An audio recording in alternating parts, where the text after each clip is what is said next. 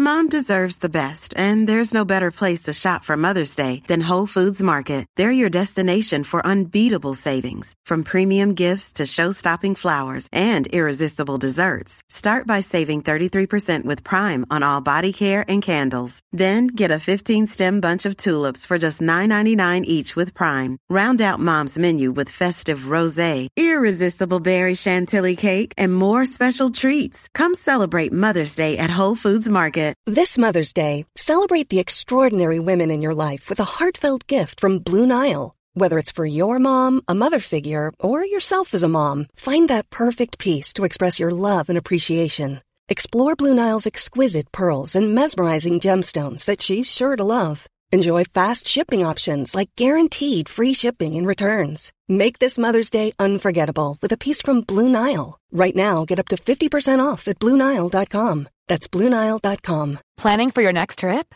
Elevate your travel style with Quince. Quince has all the jet setting essentials you'll want for your next getaway, like European linen, premium luggage options, buttery soft Italian leather bags, and so much more. And is all priced at 50 to 80% less than similar brands.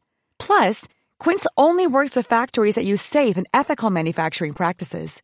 Pack your bags with high-quality essentials you'll be wearing for vacations to come with Quince. Go to quince.com slash pack for free shipping and 365-day returns.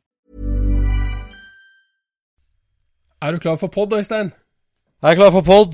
Snøen laver ned på Østlandet, og det er Igjen? perfekt podvær. Ja. Ja. Eh, ja, det er i hvert fall perfekt vær å være inni. ja, det er det. Har du vært ute med snømåkejern, eller eh, satser du på mildvær? Satser på mildvær. Det Ja, har det faktisk faktisk begynt å regne litt her allerede, så Ja, det har det. ser ut som det går greit. Ja, ja. Sånn er det. Nei, vi kjører i gang, da. Vi kjører pod.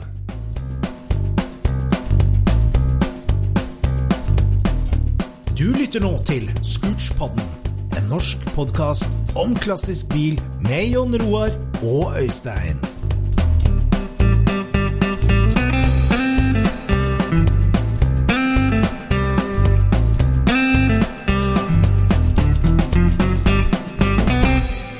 Yes.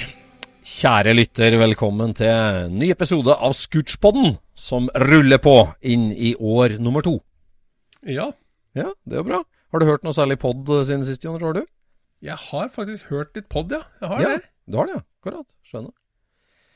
Eh, det er jo du, kjære lytter, eh, i gang med å gjøre òg. Vi må si det tusen takk for tilbakemeldinga vi får. Det setter vi stor pris på. Og gode innspill og tips og forskjellige ting. Eh, vi har jo fått høre det at eh, det her med å ut på tur eh, er en bra ting. Enten vi møter nye bekjentskap, eller eh, altså er på jakt, eller møter gjester, eller hva det er. Mm. Så eh, i dagens episode så skal vi prate litt om garasjeliv og restaureringsarbeid. Vi skal mm. prate litt om gode håndverkere i hobbyen. Ja. Og så skal vi ut og på tur. Vi tok med oss mikrofon og, og kjørte oss en tur, rett og slett. ja, vi Og gjorde det. det, ja, det blir bra. Vi ser åssen det var. Ja, skjønner. Men først, hvordan går det med mekkinga hos deg, Jon Rar? Jeg har vært litt aktiv i garasjen, faktisk. Eh, Ja, det er hyggelig. Vi har jo vært litt sånn utestengt fra, fra mekkelokalet vårt eh, i en måneds tid. Ja, det var ikke koronaens skyld. Det var det ikke, det var et eh, rustent vannrør sitt skyld, så da måtte Ja. vi holde oss vekk mens huseier bytta det, da. Ja. Men eh, nå om lørdag så fikk vi tatt et, eh, et røsk, og så var vi oppe i taket og fjerna masse gamle ventilasjonsrør og satte inn noen nye lysstoffrør, så nå ser alt så meget lysere ut. Og så fikk vi Ja. flytta alt tilbake på plass. Ja. Så nå er vi klar for eh, vår- og sommersesongen. Ja, ja. ja. Så nå er lokalet smekkfullt i asbeststøv og alt det som det skal være. Ja ja, nå er det sånn det skal være. Ja, Deilig. Ja, for du er jo en del av et sånt Du har jo mekkemulighet hjem på gården, Mm. og så har du jo en del av et sånt fellesskap der dere er 10-15 stykker som deler på en svært mekkelokale. Ja.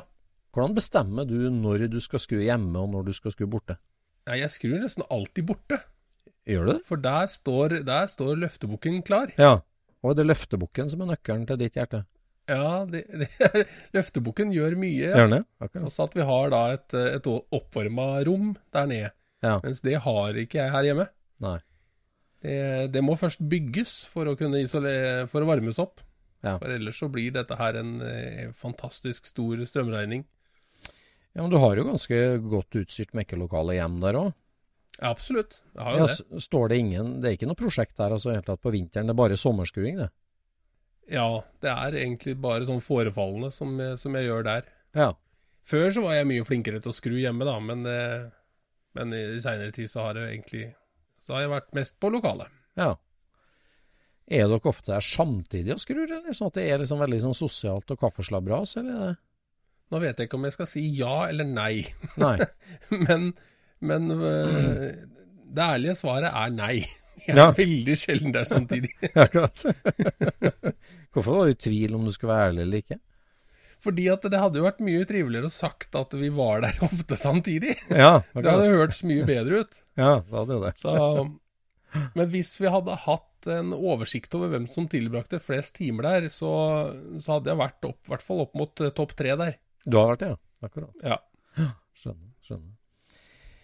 Ja, jeg har vært i garasjen en del av det siste, og det er så hyggelig, altså. Det, det, når det er varmere i været nå, lettere å varme opp og holde det varmt hos meg, så, så har jeg vært der ganske flittig i det siste, altså. Det, eh, det er veldig godt. Det, vi snakka litt om det her, jeg og kona òg her, at eh, liksom eh, i disse koronatider, når det er liksom lite som gir påfyll av liksom reising, aktiviteter, sosiale lag og forskjellig sånn.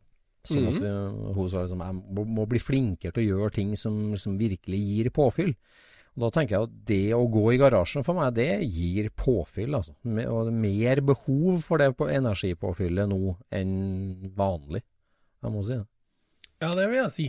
Så Fordi det gir, eh, det gir absolutt noe å være aleine og, og skru, altså. det gjør det. Og, og tenke på Altså koble ut omverdenen lite grann, og så tenke på det du holder på med. Ja. Løse det, og, og få det akkurat så bra som du kan få det, liksom. Ja, det er akkurat det. Nei, jeg driver og kjemper mot uh, rustne deler. Jeg driver jo med mm, Jeg skulle jo egentlig gjort ferdig den 46-bobla, men jeg har uh, begynt ganske ivrig på chassiset til den der 52 kabrioleten min. Eh, og der eh, er det mye å ta tak i, altså, for det, det, den var jo litt sånn kreti og pleti, det chassiset jeg hentet, men så har jeg jo da fått uh, samla sammen uh, nesten matching number, i hvert fall samme måned, da. Hele forstilling, bakstilling og alt mulig. Og den forstillinga, kommer jo fra en bil som har ligget på sida nede i en bekk nede i Spydeberg hele sitt liv, omtrent. Ja, i hvert fall siden 1960. OK? Og jeg trodde jo ikke det var så ille, egentlig, men den trommelen der, altså, som har ligget nedi elva der, det, altså, den, de bremseskoene og belegget og lagra der, det, var, det er helt forsteina. Helt for, jeg, jeg tok fram en kjempe på trøndersk ters og på østlandsk avdrager Ja. for å prøve å få inn den der, og spente opp og spente opp, og det satt så innmari. Og jeg varma, og jeg slo, og jeg dyppa den i diesel, og jeg herja fælt, altså, for å få den trommelen av. Men det, det bremseskoa, de satt dønn, altså. Eh, Bremseskoa satt dønn.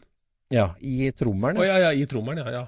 Ja, ja, så dem eh, hva, hva, hvordan, hva, hva skjer da hvis du bare drar? Eller hvordan ville du løst det til slutt, du?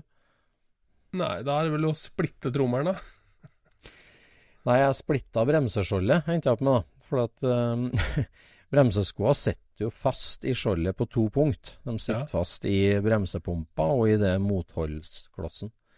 Ja. Så skrudde du ut eh, skruene på bremsepumpa, så den ble jo med ut da, med avdrageren. Ja. Og så måtte jeg rett og slett ha vinkelskipperen og så skjære en firkant i skjoldet rundt der de dere motholdsjusteringsskruene. så, Ja.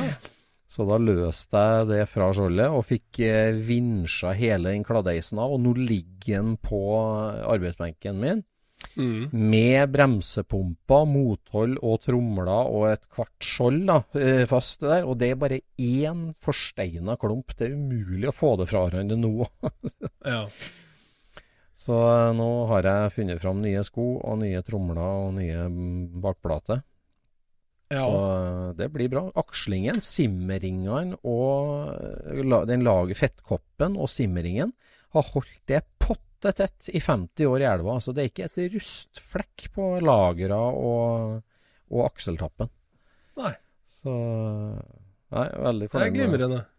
Ja, det er glimrende. Det er det. Jeg hadde, en, eh, jeg hadde en eh, bolt å slåss med her i, i går, jeg òg. Jeg har slitt med at eh, bruksbilen min den har sånne der, eh, hjullåser, vet du. Ja. Hvor det har sånn spesielt mønster som skal liksom passe sammen, hvor du har en sånn liten sånn adapter for å få det løst. Ja. Og det der skal man jo aldri ha på en bil, ikke sant? Det er jo noe forbanna dritt. Forbanna dritt. Ja. Eh, men jeg har jo fortsatt å kjøre med det, da, ikke sant? Mm. Og, så, og så til slutt, da, så sitter jo den ene så fast at jeg får den jo ikke av. Så til slutt så knuser jo den adapteren, da. I forsøk på å få den løs, ikke sant. Og så fikk jeg lånt meg et nytt sett med, med sånne nøkler for å få eh, fridd ut dette her, og det sitter jo i sju stein, ikke sant. Og da er det på med varme, da. Heldigvis Mm. var jo grunnen til at jeg skulle ha hjulet, at uh, bremseskjoldet på den sida hadde rista løs. Det hadde sprekt. Så det Ja. kunne jeg bare klippe bort, det gamle skjoldet, og da kom jeg til på baksida av bolten. Ja. Og da var det propanbrenneren inn der, da. Ja. Og få dette varmt nok til at det her faktisk slapp. Og nå kjører vi på fire bolta, Jeg gjør det. inntil at de nye bolta kommer. Å, herregud. Ja. Nei, det der er men eh, det der er jo en av grunnene til at det er nesten umulig å ta betalt for eh, restaureringsjobb. Altså for at eh, du går ut og skal løsne den ene bremstrommelen, og så tar det tre kvelder med bannskap. det. Mm. Før du Å føre timer på det da er jo helt håpløst.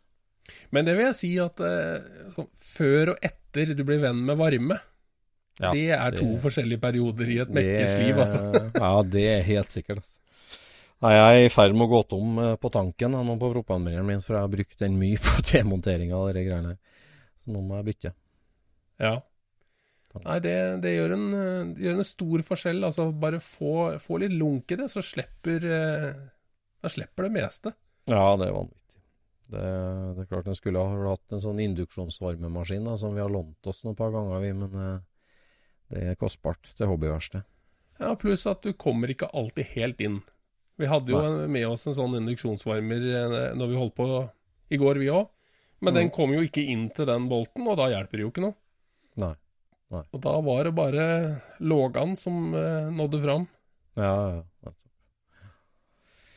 Nei, det er the er ins and outs av restaureringen det er der. Det er klart. Ellers så var jeg på en liten runde i går kveld da, eh, og kjørte ned til, ned i, eh, til gode venner i Vestfold.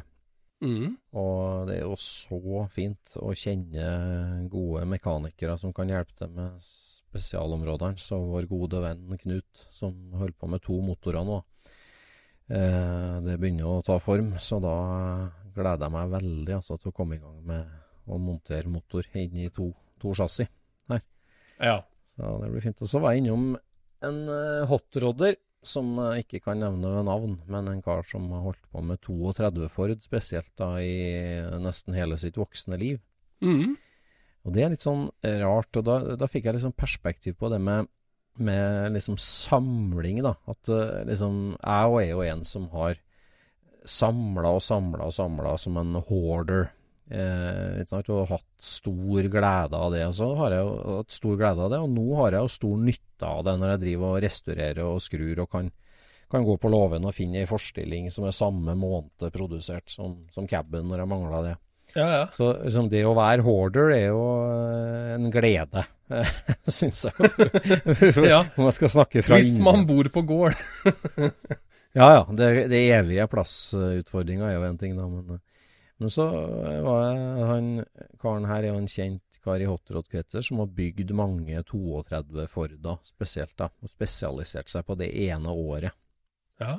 Eh, og han har samla veldig mye, han har høgd mye biler, han har masse deler liggende, kan si. Og jeg, nå er vi i gang eh, sammen med faren min. da. Faren min hadde dratt i gang sitt 32-prosjekt, så jeg var nede og henta noen deler til det og sånn. Og da sier han åtteråderen det liksom at jo, jeg har jo, jeg har jo samla i 30-40 år. Har jo jeg bare samla og samla og samla.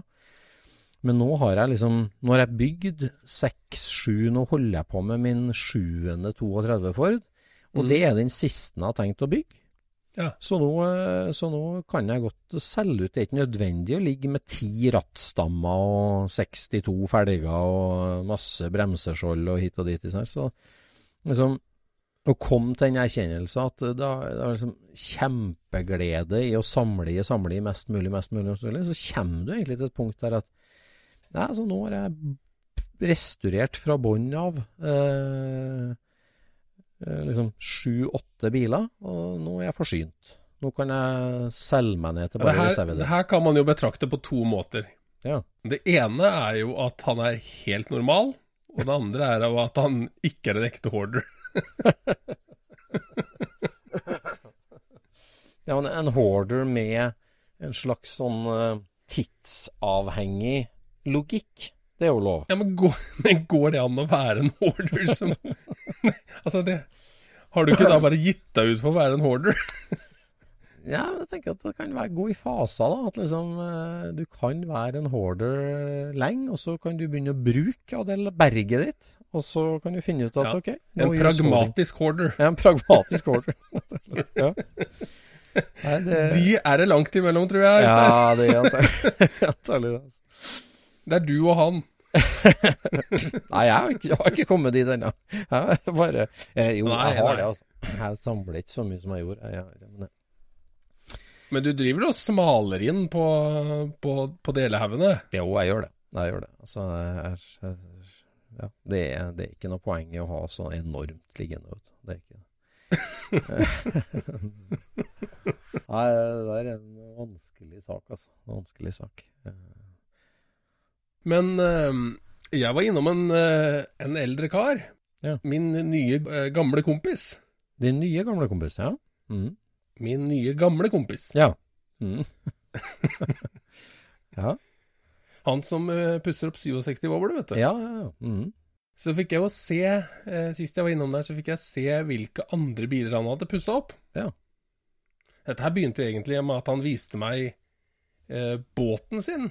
Han hadde begynt å bygge en båt. Han hadde innreda et rom i låven til å bygge en trebåt. ja. Akkurat. Men så hadde han ikke kommet så langt på den. Det var veldig fint og satt opp. Han hadde lagt kjølen og alt sammen. Altså, han var i gang. Ja. Men så hadde det liksom blitt så gøy med bil. Ja, akkurat. For han hadde jo kjøpt seg da en, eh, en 65 Mustang. ja. En hardtop. Ja. Og den hadde han pussa opp. Den var kjempefin. Mhm. Og rett bortafor den så sto det en A-Ford pickup. Jaha. klart. Helt strøken uh, oppussa med, med treplan, da. Og så sier jeg hvor er det du har fått tak i alle disse bilene, da? Nei, den der har vært på gården her siden 32, sier han. Nei. Jøss. A-Forden. Så det var den han hadde lært å kjøre med på jordet. Og den var der fortsatt? Den var der fortsatt, og han hadde nå pussa den opp da i, i siste, siste åra, da. Ja. Så den sto der helt strøken. Jøss. Ja, det er kult. Det er ganske gøy å ha den gamle gårdsbilen. Ja, det er gøy. Det er gøy. Det, det skulle flere gårder tatt vare på og hatt. Ikke bare første traktoren, men også første bilen. Ja, han hadde jo selvfølgelig de to første traktorene òg. Ja, det. Det er han Ja. som driver med 67-bowler nå? Ja, stemmer. Ja, ja. Akkurat. Var det... Men uh, da sa jeg til han at uh, jeg har jo faktisk den første gårdsbilen Ja. Stående her på gården. Ja. Gartneri-pickupen? Gartnerpickupen står her. Ja. Den kjøpte jo de i 75, som ett år gammel bruktbil. Ja. Den blei parkert på låven i 1982, eller der omkring. Ja. Og siden har den stått der inne. ja, for det er en 74 av Bay Window blå, ikke det? Eller? Ja. Ja. Og det som er så komisk med dette her, det er jo, altså, det er jo ikke egentlig noe interessant bil. Men den ser litt gul ut fordi at den har diagonaldekk. Ja. Det er ganske snodig. Da, da mener jeg at da må du være spesielt kjip i 1974 for å få bil med diagonaldekk, altså. Ja, men det, den var vel litt mer diagonal lenger på sånne utilities, var ikke det? Biler? Ja, det var det, ja. Jeg tror det. At de, de Ja. tålte høyere dekktrykk, eller at liksom Radial var jo mest for fart. At du ikke skal få så mye sentrifugalkraft. Sånn sant? Du fikk inn stål, så du ikke skal slenge det ut så galt. Så jeg tror Ja. de kjørte diagonal lenger på varebil og pickup enn eh, Dette her var jo firmabilen til faren min, vet du, den, den pickupen her. Han, faren min jobba jo på denne gården her. Ja. For da var det Um, planteskole, ikke sant? Men, så, Da var det det, til, til onkelen, eh, onkelen til faren min. Men er det noen slags firmalogo på noe? Ulstads planteskole? Nei, det står ingenting. Nei. Det heter Bugges. Bugges? Bug, Bugges planteskole. Akkurat. Du, eh, du designer jo fort en lekker logo der du får på, og fade inn litt. Nei, jeg har funnet funnet skiltet som de hadde nede ved veien, og der er det jo det? en signwriter som har malt Bugges planteskole. Så det er logoen er klar, den. Er det? Men, Ja, men uh, den har jo vært her hele mitt liv, og det er den første luftkjølte bilen jeg noen gang satt på meg i. Ja. Og den uh, Den må du få ut på veien snart. Så jeg har jo, ikke, har jo liksom ikke vært så veldig opptatt av den bilen, men det er jo gøy at den er her, da. Mm. Og så kjøpte jo jeg splittbussen min i 94 eller 5. Mm. Det var før du kjøpte gården, var ikke det? Jo, jo, lenge før. Mm. Og så Jeg hadde vel hatt den bussen i 20 år når faren min eh, sier til meg at det, det var egentlig synd vi solgte den forrige gårdsbilen og bytta til den der her. Ja. Ja, hva var det for noe, da? Ja, det var en Vestfalia Breiplans eh, splitt pickup. Ja, og det sier du nå, liksom? 20 år etter at jeg kjøpte splitt, splittbuss, så sier du at det var det dere hadde året før jeg ble født. Solgte de den for å kjøpe den andre, da? Den solgte de, ja. Ja. Nå fikk de jo mindre kvadratmeter å kjøre rundt med plantebabyer på, da. Det er sant. De gjorde det, altså. Akkurat. Det gikk fra wide, widebed til narrowbed. Ja. Nei, men den må du få fram. Du har mye på låven som du må få ned og få fram snart. Ja, det kan du si.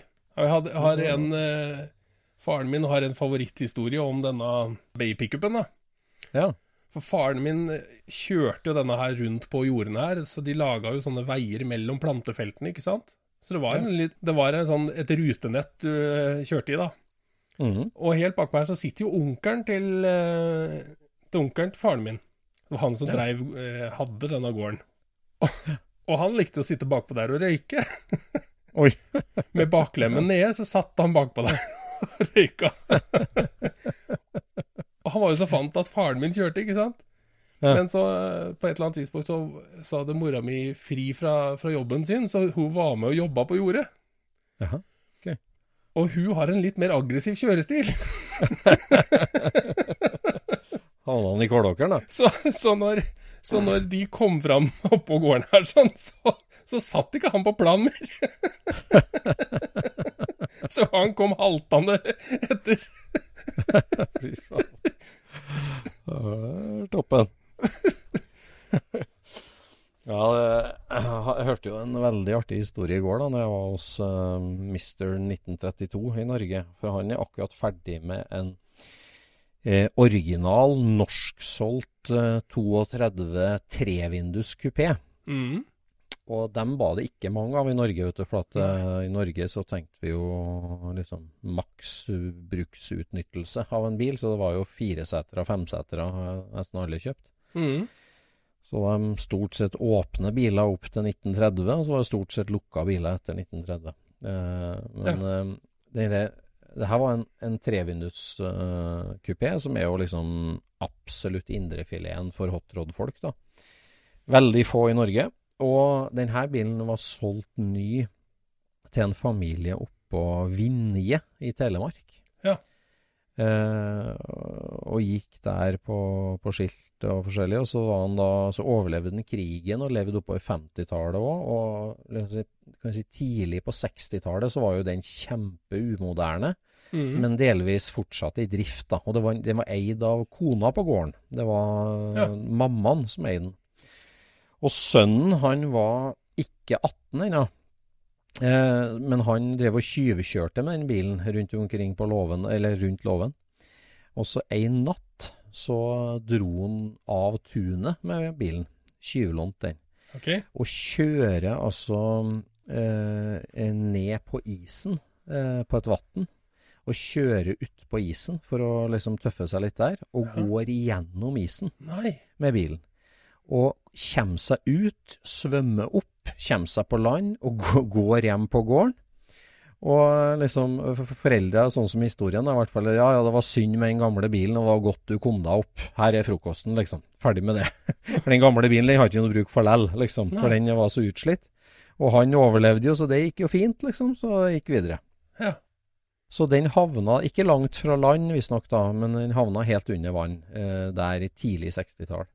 Så lå han på bånn eh, der helt opp til 1978, eller altså bare, egentlig bare si 17-18 år, da. Ja. Så var det egentlig naboen, en kar på nabogården, som tenkte liksom at du, de hadde jo en sånn trevinduskupé der. Den er jo sjelden, den, må, den skulle vi tatt opp igjen.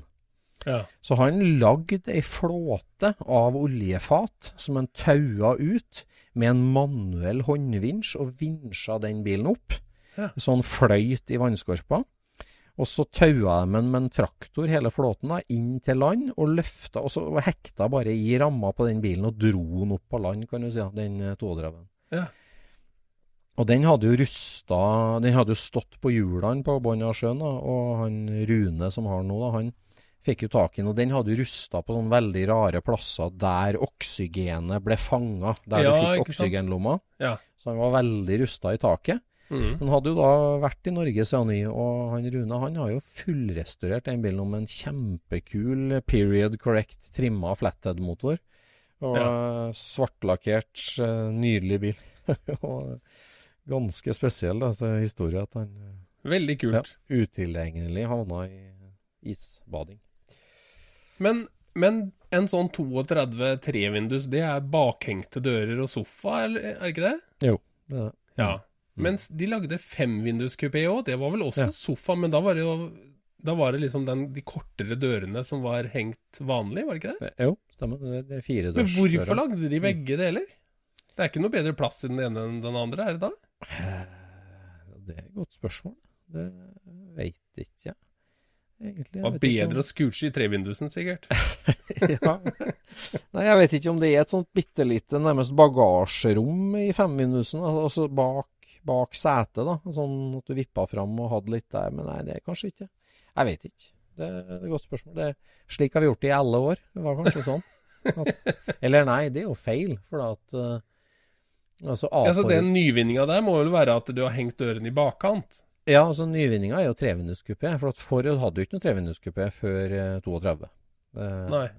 Så Chevrolet hadde jo det, og det Så den kom i 32, ja, men hvorfor de kjørte begge to i parallell, det Hvem av de to liker du best? Jeg liker trevinduskuppen best. Det er ikke noe tvil om. Gjør du det? Den, eh, den, det er noe med den lange døra som gjør den kul. At liksom den sida på bilen egentlig så, så, Ja, at den svær dør er kult. Ja. Jeg liker femvindusen godt. Ja. Den, den har små ruter og tjukke kan karmer. Ja, ja. Det syns jeg er litt uh, er litt artig. Ser, Ja. ser gammeldags ut. Ja, det er sant. Nei, det er artig, det. Apropos nyvinninger, Øystein. Ja. En bil som hadde ganske oppsiktsvekkende dører, hadde faktisk 50-årsdag i dag. Akkurat i dag Ja, det, da tenker jeg jo D-modell, men den er jo mer enn 50 år. Selvfølgelig, den er jo var 56. Nei, hvilken bil legger på? D-modell? Ja, Citroën. Citroën DS.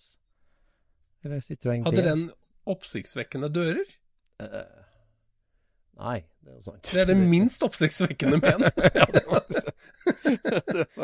Nei, jeg vet ikke hva jeg tenkte. Den må vi gjerne prate om en gang. Ja, det Men må jo. den jeg tenkte på nå, det var Contach! Ja! Traktor. Traktorprodusentens door wedge. Ja. Nei, Ja. ja, den er fantastisk. Er 50 år? Virkelig? ja, den er 50 år eh, fra det er, eh, Altså, prototypen ble vist i dag for 50 år siden. Herregud, den Det er eh, Altså, den har jo faktisk sett eldre ut enn han gjør akkurat nå. Hva mener Det ble jo litt Jeg, jeg syns det ble litt grann revival for Contouchen når den der cybertrucken kom. Ja, det er jo faktisk sant. Den, Plutselig så eh, ser den litt mer som contemporary ut igjen, sjøl om det egentlig er cybertrucken som ser eh, Ja. sprøtt 70-talls ut. Ja, det er sant. Det er sant. Det er sant. Ja, skal vi se nå eh, Altså, det, det, nå, hvor lenge ble Contagion produsert, egentlig? Den uh, Jeg tror at det er 91, 91. tror jeg det er. Da Siste, ver- siste versjonen der sånn er jo, den er jo litt vanskeligere å, å like, da, men uh, Ja. det er en snodig bil, altså, for at den, den er superclean og stilrein i, i førsteutgaven. Mm, Og så får den jo mer og mer staffasje og passer jo bedre og bedre inn i jappetida, liksom. mm. Og så til slutt så, så blir den erstatta av Diabloen, da. Ja, for altså den derre Hva het den første igjen? LP400, ikke det? Den aller første varianten. Ja, det tror jeg den heter. Den som er helt clean. Den kaller de, den kaller de for periskopo. ja. For den har jo et nedfelt søkk i taket, Ja. hvor, eh, bak, hvor du kan se ut av et lite vindu med bakspeilet inni. Ja. Det er sånn som bare er på prototyper, vet du. Men de har produsert biler med det. Har den det? Ja, ja, ja. Fy søren, den er så tøff, den første der, altså. Med uten vinger og helt clean. Og dere. Altså, den, eh, den hjulbuen bak, hvor, hvor Ja, kjenner hvor- på noe sånt. Det er jo helt vilt. Det er jo så kult. Er det, er det ikke fra øyet på Ønadonna, da? Er det det? Det ja, det mistenker jeg de får, altså. Ja, den er det så det var vel et oppdrags Uh, Var det skulle si Gia, men det var ikke Gia som Nei, Bertone, vel? For Bertone. Mm, for uh, Nei, det, det, det er en fantastisk bil. Altså overgangen fra Miuraen, da, som egentlig er ja, som så svulm, svulmende lekker, og så til den eh, fantastiske li, linjene som er på Contouchen, det, det, var, det var en stor Det var en annen evolusjon. altså Det var nærmest en revolusjon, vil jeg si, fra når du gikk fra Og modig av Lamborghini, og, som ikke og er stor ja. Ja, som, Nei, nei, nei. Han Gandini gjorde seg eh, stolt der, altså. Den, eh, den er heftig. den er virkelig heftig. Altså I de gamle, kline utgavene der òg, du, du ser jo aldri de rundt. Det Nei, er jo de 80-tallsbilene du ser. Ja. ja hvorfor er ikke en er- backdate-greie på det? Nei, det, det er med Ja. for mye vaks Her må. Singer, her må Singer ta tak. Ja. Ja, her må singer Du sier noe der, altså. Ja. Det å Altså, det lage, eh, lage kitcars som tar deg helt tilbake til prototypen, Mm. det er noe jeg og Martin på jobb eh, prater om stadig vekk. Ja, akkurat. Liksom sånn bare, men sånn er det jo hele tida. Når du ser prototypen av en bil, Mm. den er jo de 10-15 av råere enn produksjonsbilen er. Alltid. Alt. Men av en eller annen grunn så lager man alltid styling som liksom tar det en annen retning. Det er ikke styling som går tilbake. Mm. Det skal alltid gå videre, det. Ja, eller ofte så er den stylinga liksom det at, at, prototypen er nesten litt sånn for ekstrem, og så skal du på en måte ta den litt mer mot mainstream med å gjøre Mm. noe stylinggrep på den. Vi snakka jo Mm. om Vi jo om um, uh, R8 og den, den, den konseptbilen fra Audi der. Ja. Hva het Ja. den igjen? Nå husker jeg ikke på det. Den Ja, hadde jeg jo tror- jeg, jeg tror ikke du snakker om Avus, vel? jo, Avus, ja. Den hadde jo veldig sånn utrerte framskjermer, husker jeg, profilene Ja. som liksom kom opp veldig. Og det er et liksom kjempespennende konsept, men de turte ikke å dra det helt inn i den Nei, nei. produksjonsversjonen. Nei. For Nei. det blir litt for uh, ukonvensjonelt. Husker du, husker du hvordan prototypen til Sierraen så ut? Nei, det husker jeg ikke. Altså, den, den så jo ut som produksjonssierraen, bare at den hadde liksom eh, sånn skjørt over bakhjula, og altså, den De hadde jo dratt den enda litt lenger, vet du. Men det var jo et romskip når han kom ut òg, den Sierraen. Det, det er så rart, for at eh, alle vi Apache-generasjonen syns jo det, at den var et romskip når den kom. Men i dag, når du ser tilbake, så jeg greier liksom ikke helt å se det, at den var så spesiell. Altså, liksom, ja, den er en ubåtdesign liksom, i forhold til en Audi 100, kanskje fra den tida, som er mye mer linjal og sånn, men det, Ja. det, er jo, det er jo ikke så ekstremt. For jeg, jeg husker jeg òg når den kom. Den var så spesiell. Eh, men, eh, eh, Ja, nei, altså det, det, det som Altså, jeg husker at det, som er med Sierraen, da, den har eh, Den hadde jo aldri svarte stolper og sånt noe. Sånn at vinduene var ja. hull i karosserisida. Ja, det var de. Med runde hjørner. Mens når, i 1985, når de, når de kom med den aller første Scorpion, Ja. så hadde de fått glasset til å gå rundt hele. For Ja. der hadde de liksom farva inn stolpene til å bli svarte. Det var et romskip, altså. Ja. Og faren min kjøpte seg en sånn Scorpio. Og så, eh, så kom han hjem, og så fortalte han at han hadde bestilt Scorpion, da. For vi hadde jo alltid Granada, ikke sant. Ja. Og så, og så sier han at han skulle kjøpe en Scorpion. Og jeg bare Jeg hadde jo sett den i, i bil, ja, ja. hvordan den så ut. Ja. Og jeg bare Går det i hele tatt an? Kan vi i hele tatt kjøre med en sånn bil her vi bor? Liksom? Nei. For den var så spesiell. det. Ja, det var, dette her var jo liksom et romskip. Hva, hva skal de folka Hva skal naboen i, i um, Masta si, liksom? Eller de som kjører Volvo 244, liksom? Hva? Dette blir jo helt rart. Nei, det syns jeg var ganske spesielt, altså. Ja, hvordan var det da, når dere fikk Skorpion og cruisa inn på byggefeltet? Nei, da husker, husker jeg at vi fikk første Skorpion som ble utlevert i Sandefjord. Oi, hørte Da var vi nede og henta den, og det var jo Det var spesielt, men det var jo ikke like kul lyd i den som Granadaen var, for han hadde jo ikke råd til å kjøpe mer enn firer i den. Nei. Så Granadaen hadde bedre lyd. Ja. Men det var et romskip, altså. Men Skorpion ble jo en gigantisk fiasko for eh, Ford. Ja. Eh, Nei, altså, jeg kan si at det, fram til Scorpion kom, så Mhm. var jo Ford eh, ja, en ordentlig contender, liksom. Ja, var jo det. Var det. Da var det da var liksom sånn om du kjørte Ford eller Volvo Altså alle disse merkene var liksom på høyden, føltes det som. Ja, var det. Var det. Men så utover på 80-tallet så ble det gjort mye rart, altså. Ja, Orion og alt der variantene av Ford som Nei, jeg har vært på den nedlagte s- eh, Scorpio-fabrikken i Køln. Uh, der de Jaha. eh, bygde verdens mest moderne robotsveisfabrikk for karosseri. Kan si Scorpion var Ja. helt revolusjonerende i antall roboter som ble brukt for å sveise sammen karosseri på den. Ja vel, var det det, ja? Ja, det, det var en ordentlig milepæl i Jeg husker liksom prosentvis hvor mye automatiserte sveiser det var på den i forhold til det forrige, men det var en, en merkemodell da, i det. Og Ja. Kuka, den eh, tyske robotprodusenten, de hadde jo Scorpio-fabrikken som demo eh, de, demonstrasjonsanlegg liksom, på hva som var mulig Ah. å gjøre med roboter, rett og slett.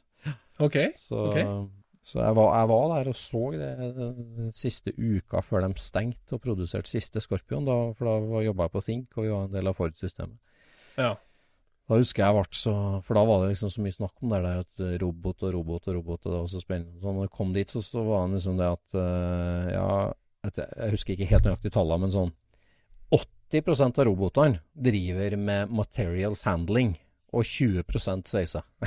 For, det, for det, var, det var liksom det som var det store besparelsen. Å løfte inn og ut svære subassemblies, kan du si, fra én ja, ja. til neste. og uten Ja. kraner og forskjellig sånt. Altså det å flytte tingene gjennom hele produksjonslinja, det var det 80% av robotene som ja. så, Men jeg husker det at eh, når jeg fikk lappen, så hadde vi jo fortsatt en Scorpion. Ja.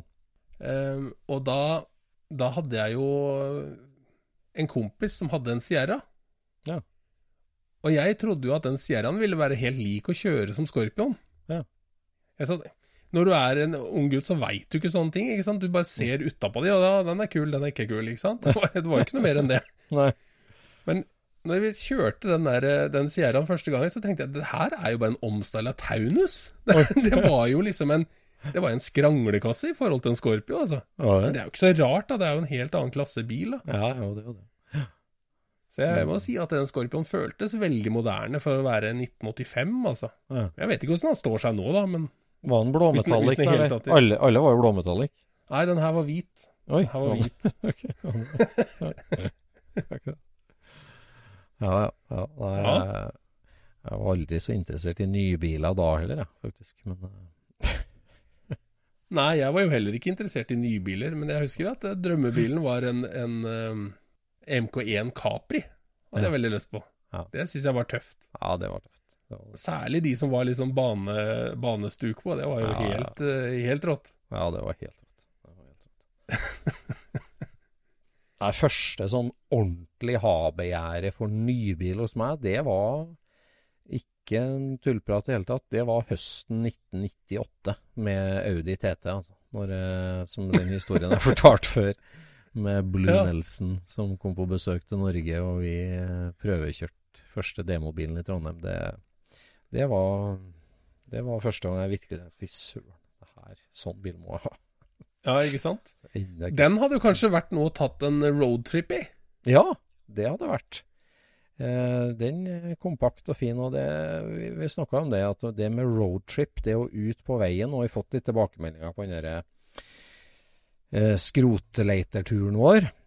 Ja. Og det er jo noe med liksom altså Scootspodden, navnet kommer jo fra når vi er ute og kjører bil. Og det er jo altså, praten som går, og det, det at du er i bevegelse, at du konstant blir utsatt for nye inntrykk.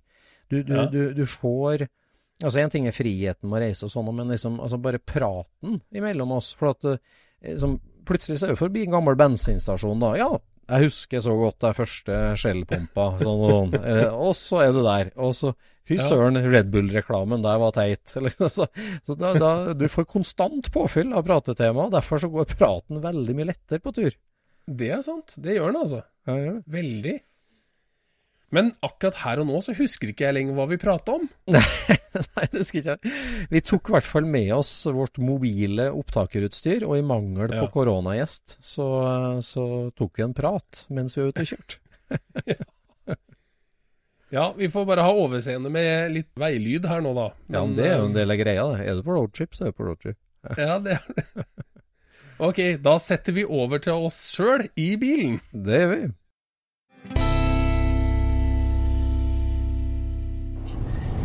Ja, roadtrip. Jon Roy, hva er, det med, hva er det med roadtrip? Hva betyr ordet, og hva er det som gjør det så stas? Nei, det er jo liksom eh, Det er kjernen av det å være bilentusiast, egentlig. Ja. Det er vitsen. ja, det er ikke jeg helt enig i. Det er en veldig viktig dimensjon, for all del. Men uh... Nei, men altså, når, når du holder på med Holder på et prosjekt, hva er, ser du for deg at den står ferdig i garasjen? Eller kjører du et sted med den? Skal, skal den brukes, liksom? Eh, Jeg elsker å kjøre bil, og jeg elsker å ut på roadtrip og sånn, men, men det er ikke hovedmotivasjonen bak bilsamlinga og bil, hobbybiler. Det er ikke det, altså. Si, altså det, det er uendelig mye mer til en hobbybil med både historien bak den og jobben med den. Altså, det å, å gjøre at den kan kjøres, er jo selvfølgelig et mål, og det er viktig. Men Ja. objektet i seg sjøl er jo òg veldig Ja, ja, interessant. vi er kjempeinteressert i, i selve bilen òg, men hvis man hadde liksom en sånn eh, autobankurer Ja. Altså, man må jo kjøre en tur på autobahn. Ja, ja, det er klart. Det er, klart. Altså, det er noe med roadtrip, eh, altså begrepet, det er jo ut på veien, frihetsfølelser og mulighetene til å gjøre hva du vil, ende opp hvor du vil, se hva du vil. Ja, det er jo den overraskelsen. Hva er rundt neste sving? Ja, det er jo det. Og ja, liksom den frihetsfølelsen av å holde rattet òg. Ja, her går det en vei til høyre. Vi svinger til høyre. Ja. Blir du gjør jo veivalg i livet òg, men er liksom, skal jeg gå det utdanninga eller den utdanninga? Ja, ja. Men å gjøre veivalg der sånn, det er veldig håndfast. Det er veldig eh, opplevelsesrikt. Det er da det må være kjedelig å liksom ha full oversikt over alle veier. Altså hvis du bor på Isle of Man, liksom, Ja. eller Ja. på Island ja. du har, altså, Hvis du driver med den sporten liksom i to år oppå der, så, Ja. så har du sett mye. Ja, det har det. Det er sant, det. Mens, Ja, det eh, mens når vi liksom kan så, Altså, i Norge er det jo så mye småveier, ikke sant, som kan oppdages. Mm. Det er det. Og du må jo liksom bare ta sjansen på å kjøre inn. Ja. Nei, det Vi har praktisert det som sånn leik eh, når ungene var små. Så satt jeg dem i bilen, og så sier jeg at i dag skal Marte bestemme hvor vi skal kjøre hen. Så kjører vi av gårde fra gården til første bilkryss. Kryss. Skal vi til høyre, venstre eller rett fram? Du bestemmer. Ja, høyre. Og så neste kryss, venstre. Si fra hvis jeg skal svinge dit. Si fra hvis jeg skal svinge dit. Det har vi kjørt noen søndager. Nå er det, det var da de var små. Ja. Det er jo kjempeartig, vet du. Ja, For å- søndagsturen, det. Nei, ikke søndag, som tok, tok en sånn tur av og til. i helga. Alle tre ungene hos oss har vært med og bestemt på en sånn uh, søndagstur på det. Ja, ja, ja. Det har vært uh, Men den her søndagsturen, det var jo liksom Det er en eh, En ting som oppsto når alle fikk seg bil. Ja, det, altså det å ta en biltur, det var jo sjølsagt det. Når Norge ble satt på hjul, og det er jo hovedsak etter kjøpetillatelsen ble oppheva i 61 Ja. Bilen ble allemannseie, så var jo det et enormt luksusprodukt. ja. Så dem som hadde råd til å ha det, dem ville jo bruke den og vise den fram. Og det å det, det, der, det å reise med bil var jo noe altså, Vi reiser med fly, vi reiser med tog, vi reiser med bil, og vi utøver sporten biltur. Ja, ja. Ja, for at hvis du reiser med tog eh, ja, Kanskje ikke tog i så stor grad, da, men når du reiser med fly, så er det A til B. Det imellom er ingenting. Nei. Det er venting. Men en biltur, det er hele veien, det. Det er alt sammen. Du, du reiser liksom fra, fra ett miljø og ett vær til liksom eh, et annet miljø, en annen situasjon. Altså det, det kan jo skje så mye på tur nå, ikke sant? Ja. Plutselig så må du ta en, ta en omvei, og det kan jo være like interessant. Plutselig ser du noe helt nytt Ja. som du aldri har sett før. Jeg har vokst opp med besteforeldrene mine. De hadde jo, tok jo med seg campingbordet, campingstoler og termosen og, tok en biltur på søndag. Kjør, Bare kjørt ei sløyfe, stoppa, slo opp campingbordet, drakk litt kaffe og kjørte videre. Bare Når du kjører de, Hvis du kjører tur i de, i de indre delene av eh, Vestfold, så er det liksom på alle sånne høydedrag hvor du har litt utsikt, mm. så sitter det eh, et par eldre mennesker i campingstoler bak Omegaen med luke opp og så kaffebord framme, ikke sant? Ja, men de er jo en eh, dying breed, for å si det sånn. Det, det, det rekrutteres ikke folk som driver bil... Nei, Tenker du på Megan nå, eller tenker du på de som kjører biltur? Ja, alle Opland har rustet opp. Ja, det, det, det kan jo for så vidt hende. Men- Nei, altså, men, eh, men det der er liksom Det er en eh, Det er vel en utdøende sport, kanskje. At folk har ikke tid til den turen der. En sånn umotivert tur sånn. Ja, altså Det er jo liksom litt fælt for oss bilentusiaster når eh, altså, det, at bilen har blitt en commodity, sjølsagt. Altså, Ja. Som ei vaskemaskin. Ingen bryr seg jo om vaskemaskiner i seg sjøl. Det er bare hva den kan gjøre for deg. Det er Ja, interessant. Ja. Og for altfor mange så Det er er jo slutt på å sitte og se på vaskemaskinen når den går. Liksom. Ja, det er jo det. Men eh, når den kom, så var det jo fantastisk. Det er jo samme som Jeg husker jeg var på et sånt arkitektforedrag en dag som snakka om det at de første lysbryterne i Norge de var jo gull, eller messingforgylt, kanskje forgylt messing. Og det, du skulle virkelig gjøre veldig mye ut av seg. For at du skulle vise at her i huset har vi elektrisk strøm. Ja, ikke sant? Og, og, og sånn var det jo litt med bil, og når bil ble allemanns det, var- altså, det var jo forbudt, eller det var jo øh, tillatelse pålagt på 50-tallet fordi det var et luksusprodukt. Ja. Et unødvendig luksusprodukt. Og, og når det blir løst opp i, så, så er det å kjøre på biltur. Så, sånn er ikke helt lenger. Men for oss bilentusiaster så er jo kjøretur for kjøreturens skyld, cruising, Ja. bruk bilen kjør, det er jo en veldig viktig del. ja. Og da handler det om å finne småveiene, liksom. Ja, gjør sånn som i den turen vi var på i sommer med grusveikjøring. La oss kjøre bare grusvei og se litt hvor vi ender opp hen. Ja. Og der eh, Det fins jo sånne områder i Norge hvor det er veldig mye eh, småvei. Som, som, som ikke er eh, Altså, Veldig ofte forsvinner jo gamleveien når de legger en ny. Mm. Og da ødelegger de liksom den derre eh, scenic route, da. Ja, det er klart at nye veier er ikke for å gi deg opplevelse på samme måten. Det er jo lagd for å gi deg en god transport. Laga for, tra laget for trafikk. Ja. Ja. Nei, jeg tenker på roadtrip for, for oss og vanlige folk er jo én ting, altså bilentusiaster, men jeg har jo en 17-åring i huset som har ett år igjen til lappen. Og der er roadtrip og begrepet der nærmest nirvana, altså som nå er mm, 11 måneder og 30 dager unna. ja. Um, det for liksom Når du vokste opp og sitter i baksetet da, på bil og gleder deg så til å flytte ei setere fram, Ja. bestemme sjøl, ut og reise, ut av redet ja. det, det der er jo en dannelsesreise og en slags jomfrutur som er altså, Jeg husker jo Ja, så Det er jo ut av det trygge. Det er jo rett på spenning, det. Ja, det er jo det. teste gasspedalen og teste høyre eller venstre. og det, jeg vet, det, det er enorm eh, frihetsfølelse. Han junioren hos oss jo, han ser jo på første bil og sånn. Han er jo veldig opptatt av at det skal være firedørs, for at du må ha med kompiser. liksom. Det skal være Ja. en gjeng på tur. Ja, ja, det er viktig å ha med gjengen liksom, på ut og reise. Det. Ja, Men det er jo veldig kult. Ja, det er jo det. Jeg husker det når, jeg, når jeg var yngre, så dreiv med det som, eh, som ble kalt råning, da. Ja, Så du gjorde det? Ja. Nei, altså Det er jo det som kanskje er spørsmålet her nå. Dreiv jeg med det, eller dreiv jeg med noe annet? Ja. Fordi råne, det er å kjøre rundt og rundt på ei stripe og se det samme. ja. Gang etter gang etter gang etter gang.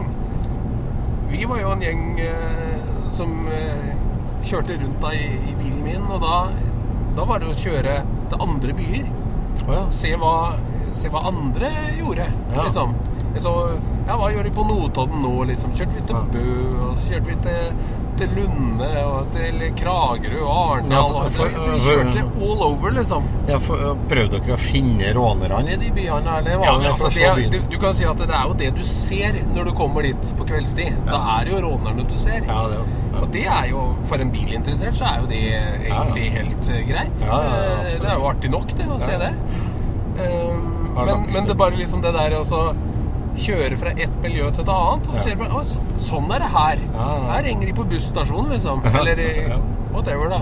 Du føler liksom at du får en innblikk, da. I et sted. På en annen måte enn at du bare dundrer gjennom, liksom. Lokale kulturen. Ja. Ja. Nei, jeg- jeg husker Jeg kjørte jo Fiat 127 da, som eh, første Den bilen jeg arva av eh, gammeltanta mi, som, eh, som var min første sånn transportetappebil. Ja. Sånn? Men har du noen gang kjørt målløst rundt da, i ungdommen, Øystein? Var ikke du på jakt? Ja, ja, ja, det var på jakt, ja. Men vi kjørte jo mye målløst rundt da. Altså, vi kjørte mye småveier uten tips. Ja. Hva er det? American Pickers har et ord for det. Er det det, ja? Freepicking eller freestyling eller Ja, ja, ja, Når de kjører uten tips. Ja. Det gjorde jo jeg veldig mye. Var jo kjørte jo Jeg vil si at jeg nesten bare har gjort det, jeg. Nei, Det var jo forskjell på de jaktturene med, med tips innen og en del bonus underveis, men òg helt sånn Ja, for med tips i enden så ser du vel ikke i krinker og kroker på vei til tipset, eller? Jo, jo. Har du ikke dårlig tid til tipset? Nei, nei, nei det, det var veldig mye sightseeing. Ofte prøvde å legge opp til én ei rute inn til der, da, tips, og anna rute ut. Ja, ja, si sånn, ja. Ja, ja. For å fortsette, så det var, det var veldig mye Jeg husker vi var oppe overfor Verdalen, innover mot uh, Jeg skal se, da, hva heter det da? Uh, Mostamarka. Markabygda. Markabygda. Markabygda innafor Skogn. Ja. Der var det et tips om en folkevognpickup som skulle stå nede i kjelleren på et bolighus. Husker jeg en dobbeltkabiner, var det kanskje. Og der var liksom tipset det at jo, du kjører innover Markabygda, og når du kommer til enden på fastdekkeveien, da er det andre huset på venstresida. Ja. På enden av fastdekkeveien. ja. Så der var det fortsatt det med Dit kom kommunen og asfalterte. Så det ble et begrep, det. ja de, Før eller etter fastdekkeveien. Fram så, til så, så, fort, så fort det ble noe mer asfalt oppi der, sånn, så forsvant tipset, på en måte. da. Ja, det gjorde det. Så måtte skynde oss over det det før de asfalterte. Ja. ja, vi fant jo den pickupen. Den var jo var kjempefin, den. Ja. Ja, så Nei da, det var mye Nei, men sånne, sånne tips er jo, er jo veldig interessant, da.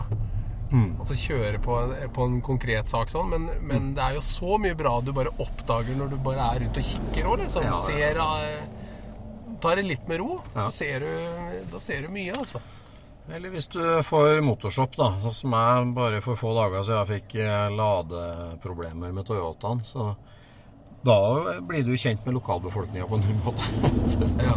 Når du må rundt og be litt om hjelp og forskjellig. Og det er jo litt av Altså uforutsigbarheten er jo en viktig del av roadtripping. Ja, ja, ja, ja det, er, det, er mye spenning i det. Ja, Du vet ikke hvor du skal spise hen, du vet kanskje ikke hvor du skal sove hen, du vet ikke hva du finner. Kanskje det er det ultimate eh, spennende roadtrippen, å kjøre med en uh, upålitelig bil. ja, kanskje. Ja, du kommer i hvert fall i kontakt med folk da. Hvis det du blir stående. Kompisen vår på, på Kongsberg kjørte jo Veiva i to Ja. i Danmark.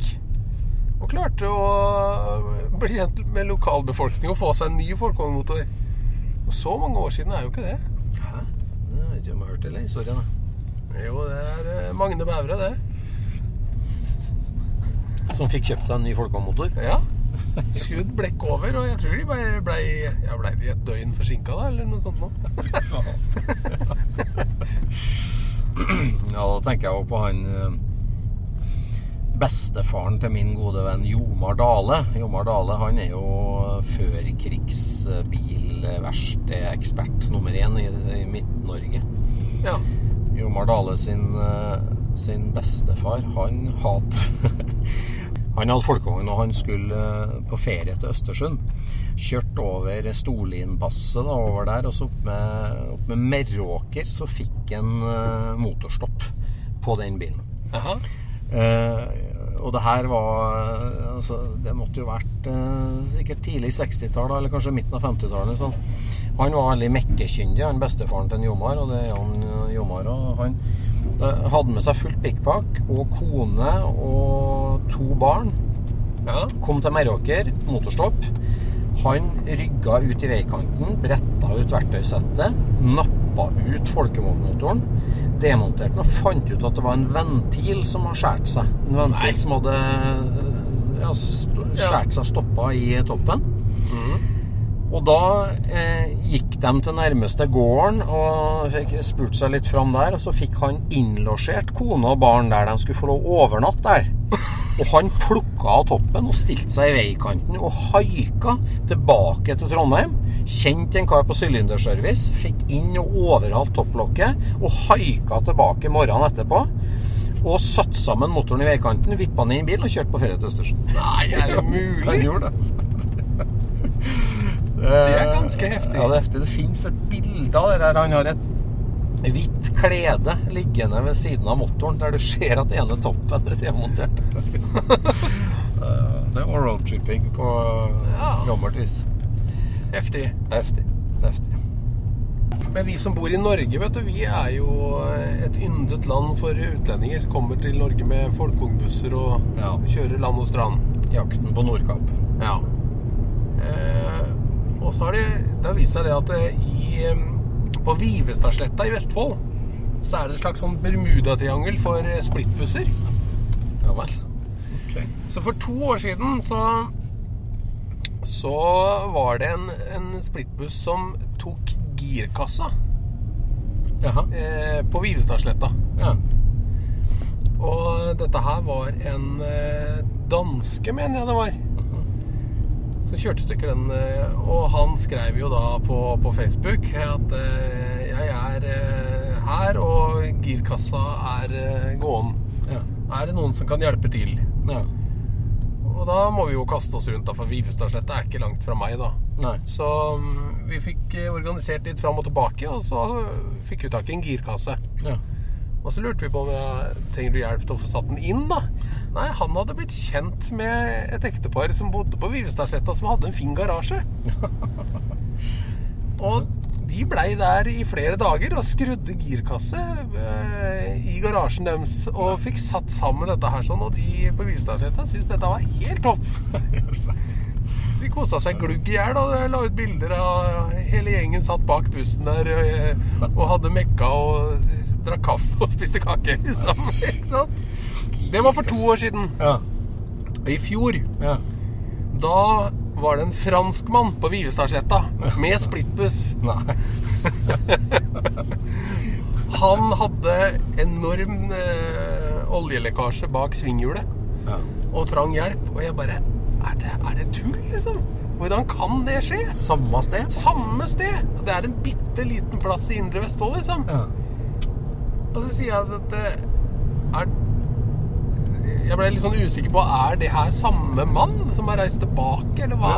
Hva er det her? Nei, nei, det her var jo en franskmann, så det Da kunne du bare henvise til den lokale garasjen. Da, altså der er det camping og garasje. Bare kjøre inn. Ja, de har litt, litt eh, splittbussekspertise, liksom. Men han eh, Han eh, fikk jeg da til å komme ned til, til Larvik, og så bytta vi simring på, på den inn på lokalet hos oss, da. Ja. Så vi hadde jo alle delene liggende og alt mulig, så vi kunne jo fikse det samme kveld. Men han eh, ville ta det dagen etter, altså. så vi tok det dagen etter. Bermudatriangelet det er jo ynda sånn uh, vrakjegerdykkerplasser og der. Er det sånn at det lønner seg å ut og jakte på splittbusser i det området? Eller? Det, jeg tror nok Ole Rune Mo har vært der allerede. Dette her er jo i hans bakgård. Ja. Der er det støvsugd. Jeg kan godt hende. Det er ikke noen garanti for det. Jeg tenker på det jeg jo øh, Vi har jo en lytter som heter Sverre Blindheim ute i Ålesund. Ja. Som øh, er kjempeflink med både hobbyen sin og bil, og utrolig hva han samler og får tak i. Og han var jo for ti år siden tilbake til Orkdalen. Der jeg har min vugge, og der jeg har leita hver enda låve og hver enda grusøy, føler jeg.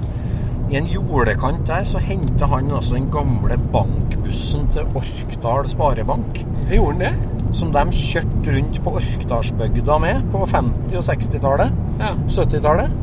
Og som endte opp som eh, sånn eh, skur for kyr, nei, kyr nærmest i en jordekant midt i mitt nabolag. Men den hadde du ikke sett? Aldri sett. Aldri hørt om. Og ingen som har snakka om den? Ingen som har snakka om den. Nei. Det, altså, Og ingen som lik- likte han, banksjefen da, tydeligvis? Nei. vonde minner. Nei, det, det er rart og imponerende han Blindheim at han øh, Altså, han spora jo den ikke på den vanlige jaktmåten med å ut og jakte, men han starta med papir. Han fant et gammelt bilde av han, fant regnummer, begynte å ringe folk. Fant neste eier, fant neste eier, fant neste eier, helt til eieren som sier ja, den står ute på jordet her. Ja. Og der var han. Og det sant? ti år etter jeg var superaktiv i den bygda. Og ja, nei, det, det Så det må du ha, skal du ha kudos for, Sverre. At, eh, da gjorde du en kjempejobb med å finne den, det må jeg si. ja. Men der hadde jo du sverga på at det var tomt, Ja. ikke sant? ja. 100 I hvert fall ikke en sjelden folkevognbuss.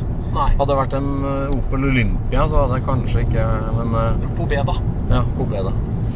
Nei, det, det Sånn er det. Du tror, tror du har roadtrippa og kjørt alle veiene, men det har han ikke, altså. For det, det er utrolig hva som fins. Nei, du skal jo leite litt. Det er jo Skal det.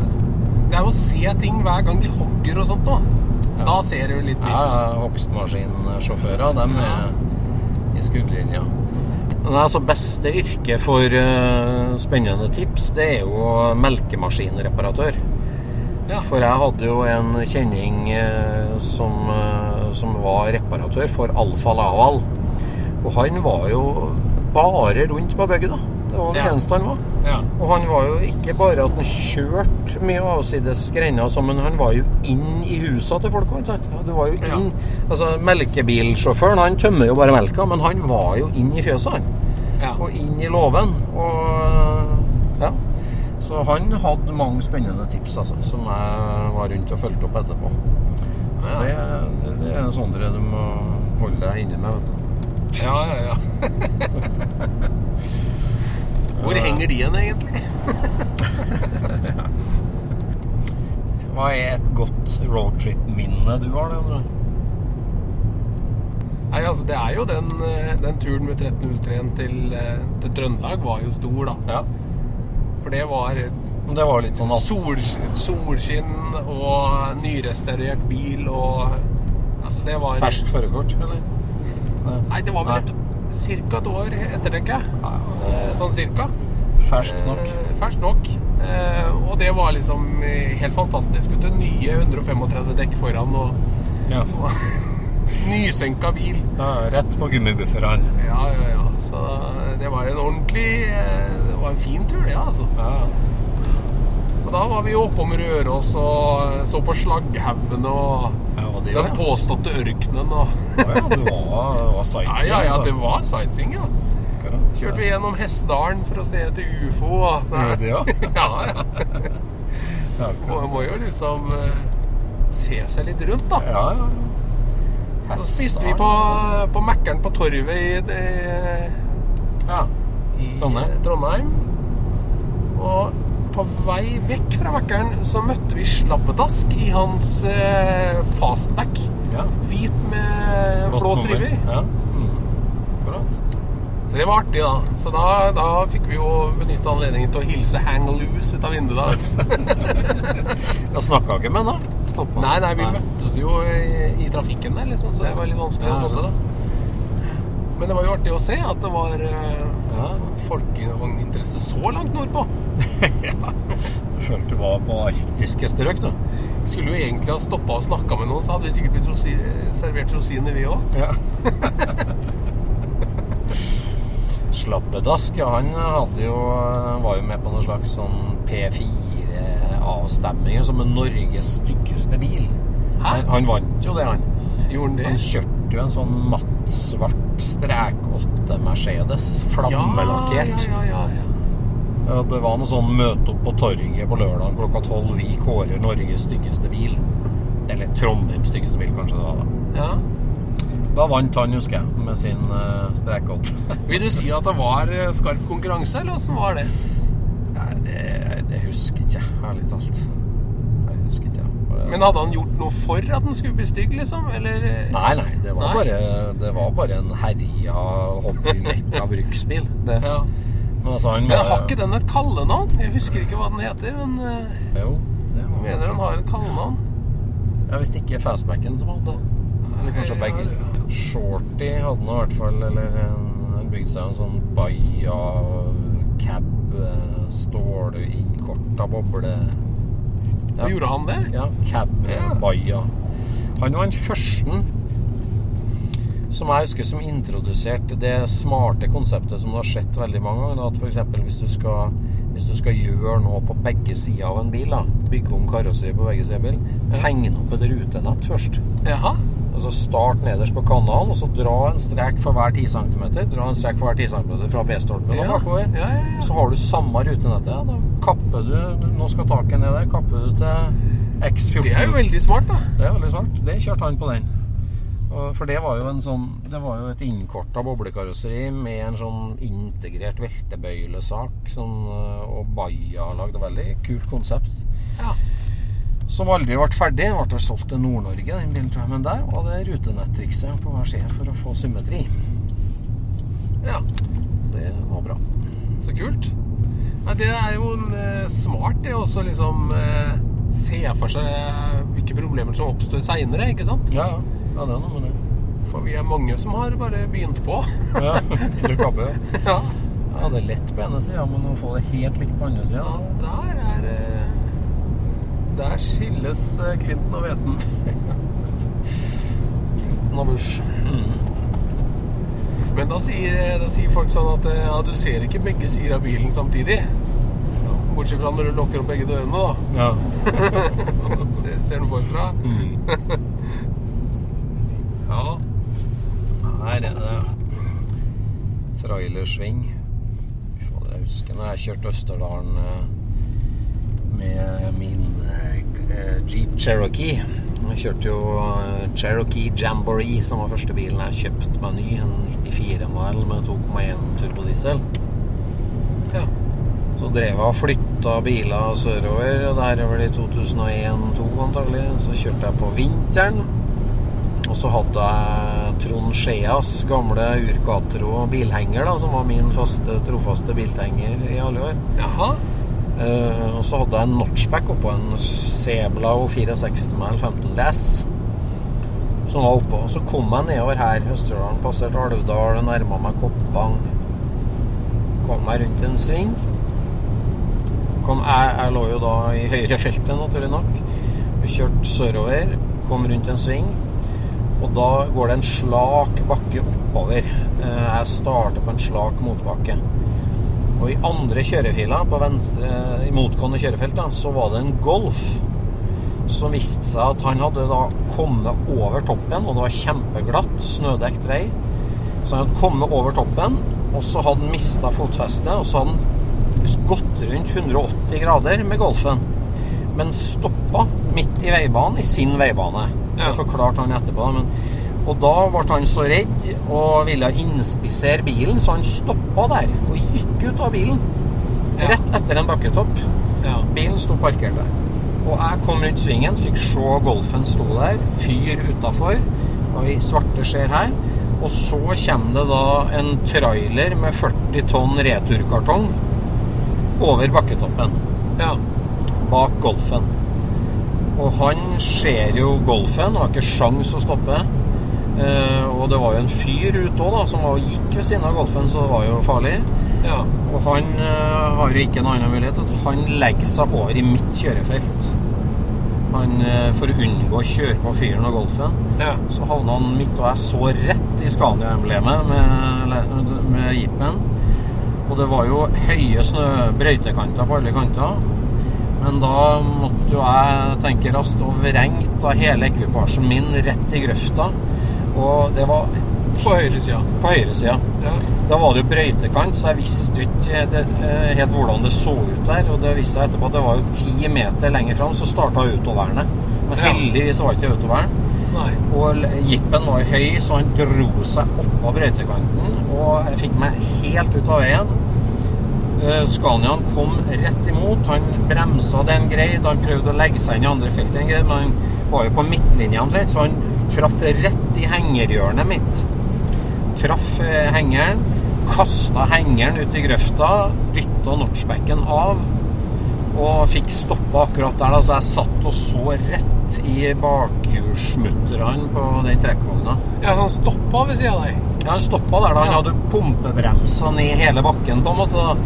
Eh, og, og så traff han jo hengeren min og mista fart på det, da, kan du si. Så der, stå, der stoppa han. Så sånn ble jeg stående, da. Så var det en trailer bak meg som så det hele. Han greide å stoppe. Men så kom det to trailere bak han igjen som kjørte i rumpa hans. Oi. Så det var jo det kaoset. Det var jo fem timer stengt hele Østerdalen og fullt show, da. Ja. Men uh, jeg ble så negativ roadtrip-saken. Nei. Det er jo sånt som kan skje. Men altså, det gikk bank i bordet. Det gikk uh, Hengerdraget så ut som en J. Det var helt bøyd som en J. Ja. Og notchbacken uh, ble jo bulka da, på høyre hjørne fram. Eh, men takstmann fra If han var jo folkevogninteressert, så jeg fikk igjen bra. Jeg både for notchen og hengeren og jeepen. Og tok den ut baklysglass og litt sånt. Men det gikk heldigvis bra på alle involverte. For det sånn. Det var ja. tre trailere med skade og masse Det greier. er det der å ikke tenke på konsekvensen av hva det betyr å stoppe sånn i en bakke sånn. Ja, ja, ja. Han eh, var helt sov litt eh, dårlig den natta der. Ja, men det han gjorde, da, som politiet kom jo etter hvert, og det ble mye snakk om det der og forskjellig, og det han gjorde når han så det kaoset med fire trailere og meg i grøfta fullt sånn, han hoppa inn i Golfen, snudd 180 grader og dura sørover. Midt oppi kaoset der, og ingen så han igjen. Ingen vet hvem han var. Oi! Så han stakk bare av? Han stakk bare av.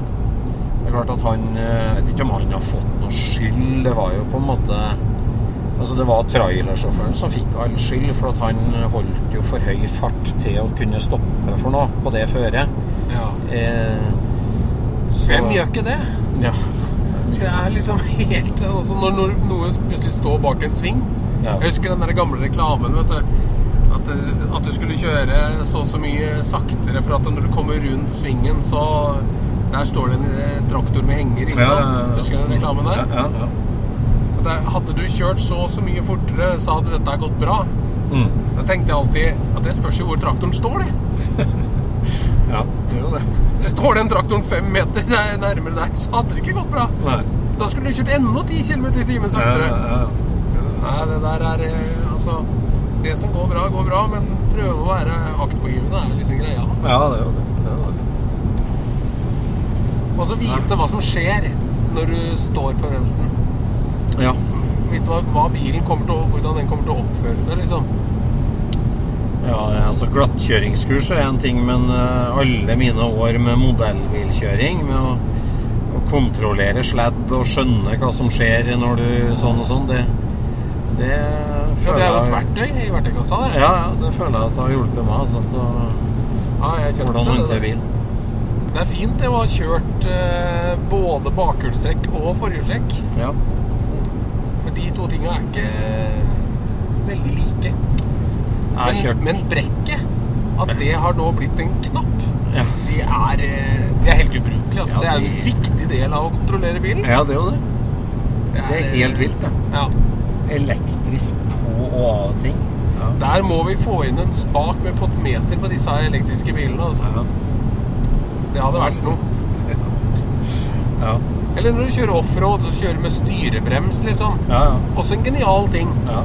Har du det, har du det i tillegg til alt annet, da har du kontroll, da. Ja, det har det. Det er sant.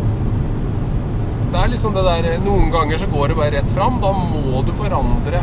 Du må vippe litt rundt på tyngdepunktet. Du må liksom få skifta retning på dette her. Men har du henger, så er det en annen dans. Altså, jeg har slutta å kjøre bil på henger på vinterføre. Altså. For det Jeg har vært i grøfta flere ganger med saksing nedoverbakke, f.eks. Ja. Da kan du ha så mye brems du vil på hengeren, men når bremsen, påløpsbremsen går på da, så blir det jo verre på en måte. For da, da er det jo en kjelke du har bak der, som bare dytter på Ja. Når det er glatt. Så ja. ja. Nei, det, det har jeg slutta med. For der har jeg hatt noen opplevelser som ikke er bra. Men hva er ditt beste roadtrip-minne, da? Nei, det må være eh, Det må være sommeren 95. eh, Kyst til kyst i USA. For det er jo vokst opp med en viss sånn USA-fascinasjon og Route 66 og ut og kjøre der. Så jeg bodde jo der sammen med familien min når jeg var sjuendeklassing. Og vi var rundt og kjørte, og vi så ørkenen og følte betongskjøtene dunka i bilen. og det, hele i Amerika det er liksom samfunnet lagt opp etter roadtrip. Du kan jo ta ut penger i banken, du kan dra på kino, du kan gifte deg fra bilen. Ja. Så det her er ja, altså roadtrip-konseptet i USA da, med drive-in, eh, motell langs veien og spisesteder og sånn, så, så eh, liksom den drømmen om Route 66 og liksom den ultimate roadtripen, da, den realiserte jeg sammen med to gode kamerater da, som ikke var bilinteressert, men som var roadtrip-interessert. Ja. Så da kjøpte jeg en Oldsmobil Delta 88. Det var vel en 89-modell, kanskje, eller noe sånt. Så jeg kjøpte den når jeg studerte borti her i 90 i 1995. Så kjørte jeg ut til Los Angeles og henta Trond Arne og Jens Petter, mine venner, da, som kom fra Norge. Og han ene der, han hadde jo Ja, drevet da kjørte du fra Texas, da? eller?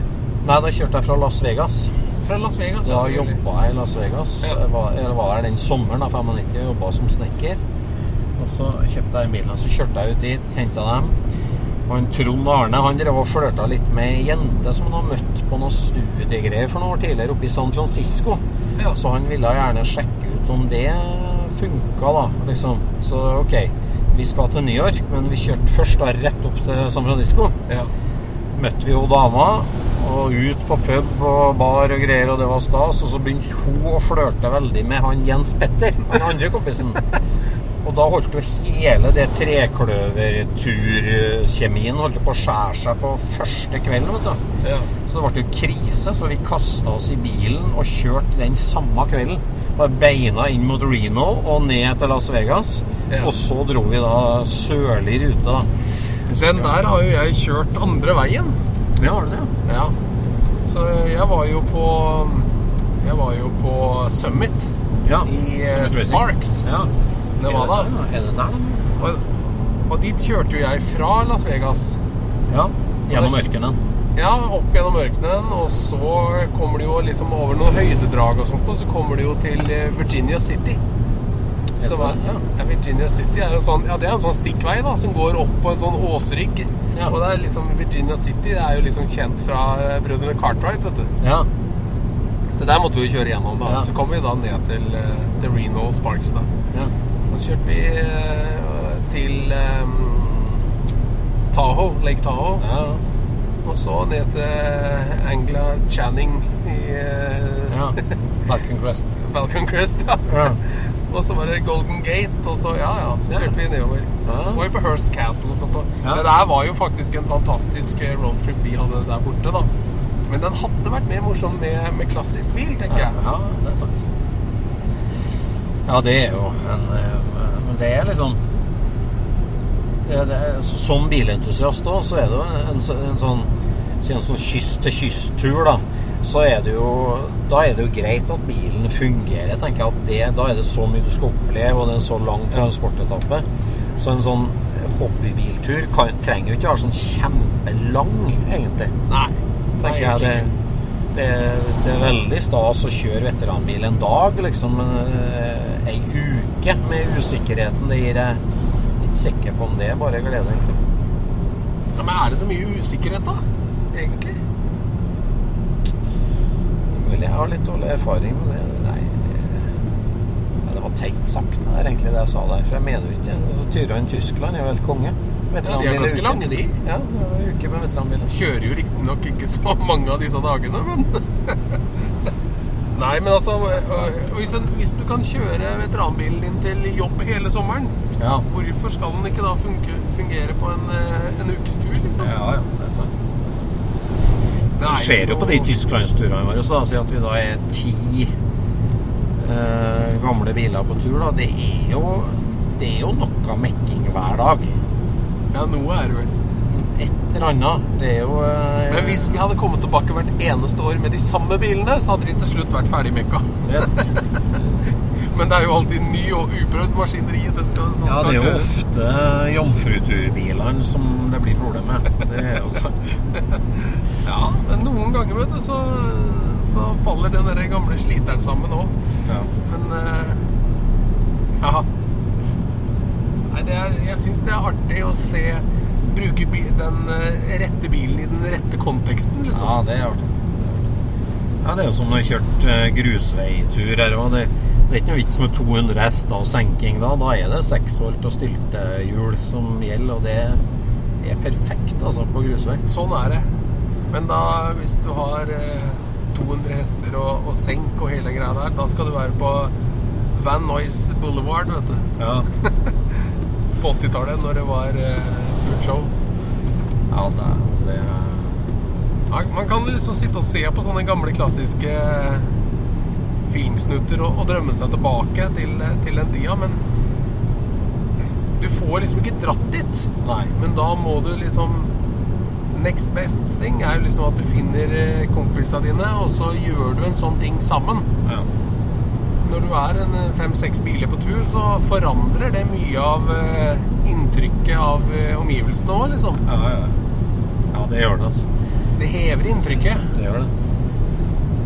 Det rart er hvordan liksom det blir sånn at uh, altså Når du er på en tur sammen med mange, så liksom Altså rasteplassdynamikken eller bensinstasjondynamikken og de meldingene som slenges og det du kjøper sånn, Det er liksom Det er det der som skaper dere minnene på roadtrip-greiene. Altså alle dere små tingene som egentlig bare er en del av reisa, det er det som blir opplevelsen. Ja, ja. Det er det som er opplevelsen, egentlig. Det er aldri A til B i en, eh, en hobbybil, egentlig. Nei, nei. Nei, det er ikke det. det Det er det imellom som er uh, innholdet, egentlig. Ja. Yes. ja, men vi får sette tilbake til studio, vi, da. ja. Over til Jon Roar og Øystein i studio. ja, sånn kan det gå når en skal besøke søskenbarnet på Tynset. Alle var enige om at det var en fin tur. ja, det var en fin tur. Nei, Jeg gleder meg til vi skal enda mer ut på tur, Jon Roar, og vi skal ut og besøke flere gjester til Scootspoden nå. Det gleder meg veldig til. Nå blir det jo SSC Super Scenic. Har vi satt dato for eh, sommerens store begivenhet, eller? Nei, vi sikter jo på slutten av mai. Ja, nettopp. Der, der vi ellers ville ha dratt til Bug Run. Så hvis ikke grensene er åpne, så kanskje vi får ta oss en Super Scenic. Har du luftavkjørt bil, så heng deg på Super Scenic. Ja. Norge rundt. Og har du ikke luftavkjørt bil, så kan du henge på bakerst. Ja, det kan du òg. Den er grei. Takk for i dag. Takk for i dag. Scootspodden produseres av SSC Media, med god hjelp av VV Norge og Trond Dahl for hosting, Knut Micaelsen for musikk. Abonner på Scootspod via podcaster eller Acast, og følg Scootspod på Instagram og se det vi snakker om. Der kan du også komme med kommentarer og innspill, og fortelle oss hva du vil høre om.